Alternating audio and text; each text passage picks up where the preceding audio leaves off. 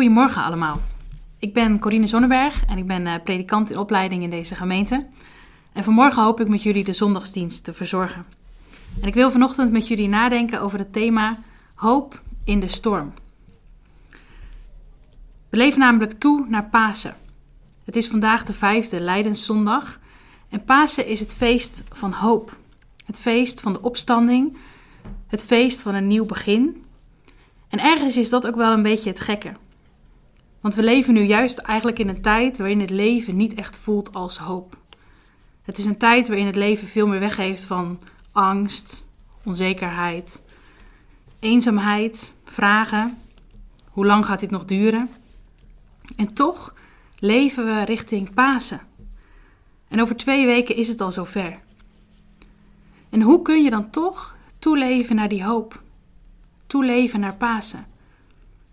Daar wil ik vanmorgen met jullie over nadenken. Sinds begin januari zijn we gestart met de Matthäus-evangelie. En iedere week ontdekken we steeds een stukje meer van Jezus, wie hij was en wie hij vandaag wil zijn. En dat gold ook voor de mensen toen, die toen leefden en onder andere ook voor zijn discipelen. Jezus heeft ongeveer drie jaar op aarde rondgewandeld. Hij had op een gegeven moment zijn discipelen om zich heen verzameld en door alle verschillende gebeurtenissen, verhalen die Jezus vertelde, wonderen die hij deed, ontdekten ze eigenlijk steeds stukje bij beetje iets meer van wie Jezus was. En uiteindelijk bereikte dit zijn hoogtepunt met Pasen. Jezus kwam bij zijn ultieme doel waarom hij op deze aarde was gekomen. Hij sterft, maar dat niet alleen, hij staat ook weer op uit de dood. Hij was niet zomaar een Jood, niet zomaar een mens. Nee, Jezus was de zoon van God. Hij was de redder. Eigenlijk lijkt het evangelie van Matthäus een soort op een soort bloem. Het ontvouwt zich steeds meer. Steeds meer ontdekken we van wie Jezus is. En uiteindelijk vouwt het zich helemaal open bij Pasen. Jezus die opstaat uit de dood. Die de dood overwint. En om nou vandaag te ontdekken, een stukje van Jezus, hoe we dat kunnen zien in die loop naar Pasen toe, naar die hoop, wil ik met jullie eigenlijk een stukje teruggaan in dat evangelie van Matthäus. En ik wil met jullie kijken naar Matthäus 14. Het is namelijk een verhaal waarin de discipelen ontdekken wie Jezus is. Ze zijn al een tijdje met hem onderweg. Ze hebben hem al verschillende wonderen zien doen, verschillende verhalen horen vertellen. Maar vandaag lijkt er eigenlijk wel een belangrijk keerpunt plaats te vinden. Want in dit verhaal ontdekken ze dat Jezus niet zomaar iemand is. Ze ontdekken namelijk dat Hij de Zoon van God is. En ik wil dat verhaal met jullie lezen uit Matthäus 14. Het staat in Matthäus 14, vers 23 tot 33. Toen hij, dat is Jezus, hen weggestuurd had, ging hij de berg op om in afzondering te bidden. De nacht viel en hij was daar helemaal alleen. De boot was intussen al vele stadien van de vaste wal verwijderd en werd als gevolg van de tegenwind door de golven geteisterd. Tegen het einde van de nacht kwam hij naar hen toe, lopend over het meer. En toen de leerlingen hem op het meer zagen lopen, raakten ze in paniek. Ze riepen: Een spook! En ze schreeuwden het uit van angst. Meteen sprak Jezus hen aan: Blijf kalm, ik ben het. Wees niet bang. Petrus antwoordde: Heer, als u het bent, zeg me dan dat ik over het water naar u toe moet komen. Hij zei: Kom. Petrus stapte uit de boot en liep over het water naar Jezus toe. Maar toen hij voelde hoe sterk de wind was, werd hij bang. En hij begon te zinken en schreeuwde het uit: Heer, red me. Meteen strekte Jezus zijn hand uit en hij greep hem vast en hij zei: Kleingelovige, waarom heb je getwijfeld? Toen ze in de boot stapten, ging de wind liggen. En in de boot bogen de anderen zich voor hem neer. En ze zeiden: U bent werkelijk Gods zoon. Het verhaal speelt zich af op het meer van Galilea. Heel veel verhalen in het Matthäus-evangelie en ook in de andere evangeliën spelen zich af rondom dit meer. Ook logisch, want Jezus woonde in Capernaum, een dorpje wat aan dat meer lag. En op een dag zijn Jezus en zijn discipelen aan de ene kant van het meer en zijn ze van plan om naar de overkant te gaan. Jezus blijft achter om te bidden en de discipelen gaan vast vooruit. Ze stappen in hun bootje en ze gaan op weg. Maar als ze op het meer varen, begint het opeens hard te stormen. En het is niet zomaar een storm. Het is echt een flinke storm. En ze moeten keihard werken om hun bootje recht te houden. En niet zomaar eventjes, als je kijkt naar de tijden die genoemd worden, dan zijn ze uiteindelijk wel ruim negen uur bezig in die storm. Om tegen die storm op te vechten, om ervoor te zorgen dat hun bootje niet zinkt en dat ze in leven blijven. En dan, als ze al die uren bezig zijn en het nadert het einde van de nacht, dan opeens zien ze iets in de verte. En het lijkt op een spook. Ze schrikken en er staat, ze schreeuwden het uit van angst. Ze worden bang. Super bang. Vaak worden we bang in stormen. Misschien herken je dat wel. Vaak als er stormen in ons leven woeden of stormen om ons heen gaande zijn, dan worden we bang. Dan roept dat angst op. Je ziet het nu gebeuren met de coronacrisis. Het stormt. We weten niet waar we aan toe zijn. We weten niet hoe lang het duurt. We weten niet hoe groot de storm gaat worden. En we worden bang. Bang voor wat het ons gaat brengen. We worden bang om mensen om ons heen te verliezen. We worden bang om misschien wel ons eigen leven te verliezen. We zijn bang dat de IC's vol raken. Bang dat er straks geen plek meer is. Bang voor de ouderen in de samenleving. Bang voor de kinderen die nu thuis zitten en misschien wel lijden onder deze situatie. misschien ook wel bang voor onszelf. Hoe lang kunnen we dit volhouden? Hoe lang kan mijn bedrijf dit volhouden? Mijn werk? Bang. Ik denk dat we er allemaal iets van herkennen. Het is denk ik ook wel het woordje wat ik het meest ben tegengekomen de afgelopen weken. In de gesprekken met anderen en ook als ik kijk naar mijn eigen leven. Misschien soms niet eens zozeer de angst voor jezelf, maar wel de angst ook voor de mensen om je heen.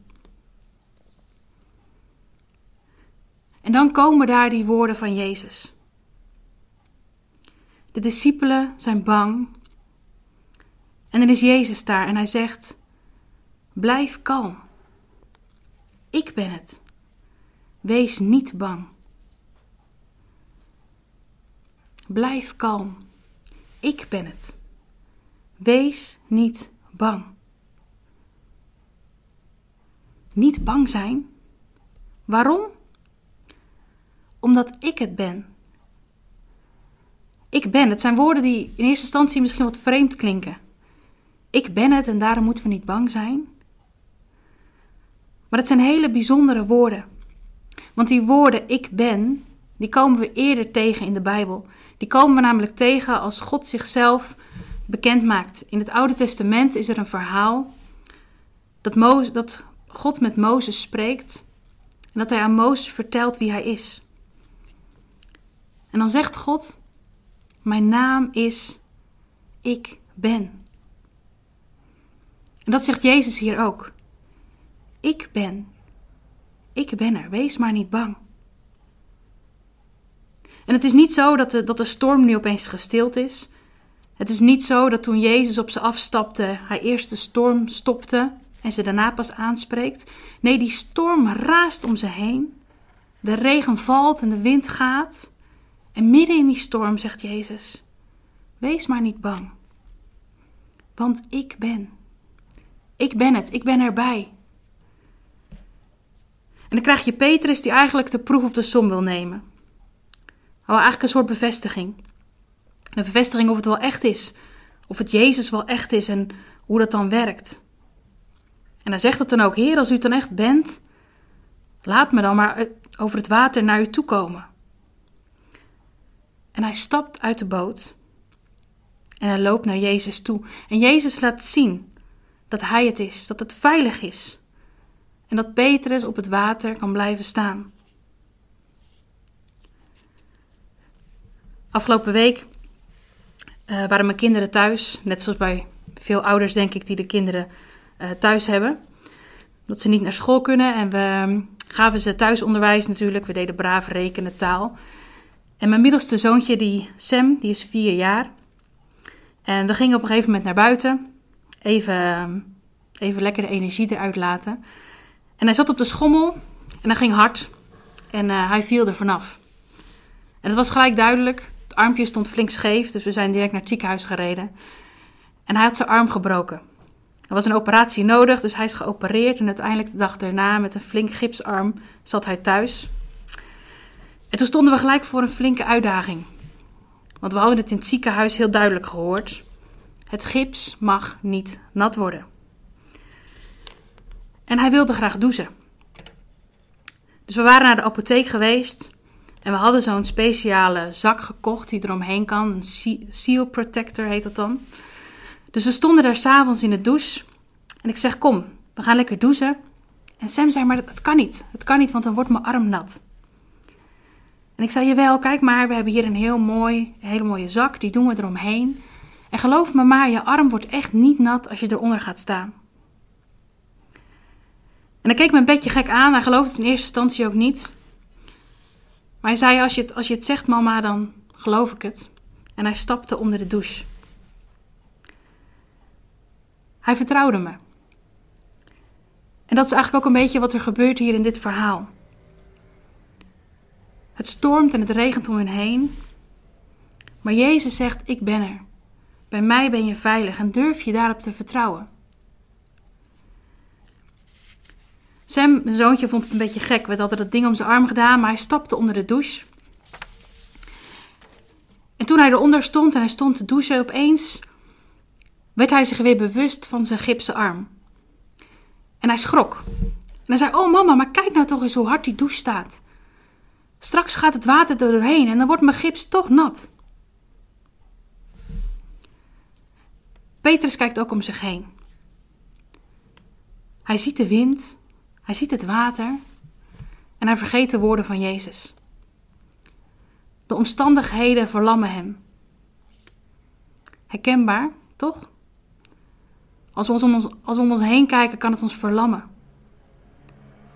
En misschien herken je dat ook wel. Hè? Je luistert een mooie dienst van het Noorderlicht, je luistert mooie muziek, je bidt, je wordt rustig bij God. Tot je het nieuws aanzet, de berichten weer hoort. Opeens weer beseft dat misschien wel je baan op het spel staat of je eigen bedrijf. En al die omstandigheden verlammen je. Maar dan is daar Jezus.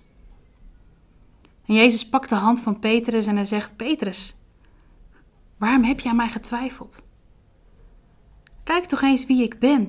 Ik ben degene die er is, die er voor je zal zijn. En hij trekt Petrus omhoog. En dan eindigt daar dat verhaal in dat bootje, waar Petrus en zijn discipelen tot een hele bijzondere conclusie komen. Ze zeggen namelijk: U bent werkelijk Gods zoon. U bent het. In het paasverhaal, aan het einde van Matthäus, komen we dit zinnetje nog een keer tegen. Op het moment dat Jezus sterft aan het kruis en de Romeinse soldaten onderaan het kruis staan, dan zeggen die tegen elkaar: Deze man was echt Gods zoon. Het kan niet anders. Dit is een bijzonder iemand geweest. Dit was niet zomaar een Jood. Dit moet wel Gods zoon zijn. En daarmee hadden zowel de discipelen als die Romeinse soldaten het bij het rechte eind. Jezus was niet zomaar iemand.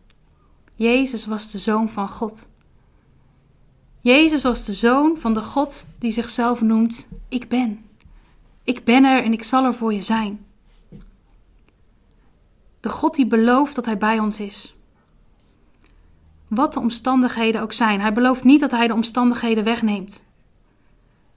Maar hij belooft wel dat hij er is en dat we daarop kunnen vertrouwen. Zo was het ook bij Sam. Ik kan zijn gebroken arm niet wegnemen. Maar ik kan hem wel helpen. En daar mag hij op vertrouwen. En omdat hij op mij vertrouwde, durfde hij onder die douche te stappen. In de wetenschap dat zijn arm dan niet nat zou worden. En zo werkt het ook met geloven. We mogen vertrouwen op God. Op degene die zegt: Ik ben er. En misschien is het daarom ook zo extra mooi dat het in deze tijd Pasen mag worden. We leven in een tijd van angst, van crisis, maar juist daardoorheen wordt het Pasen. Het feest van de hoop. Jezus die straks opstaat uit de dood en die laat zien dat de hoop veel verder strekt dan dit leven. Dat het een hoop is die zelfs door de dood heen gaat. Een hoop die zegt: Ik ben er altijd bij. In ziekte, in pijn, zelfs door de dood heen. Ook vandaag. In welke storm je je ook bevindt. Hij is onze schuilplaats. Hij is onze hoop. Een hoop die groter is dan de dood. Een hoop die sterker is dan de stormen in ons leven.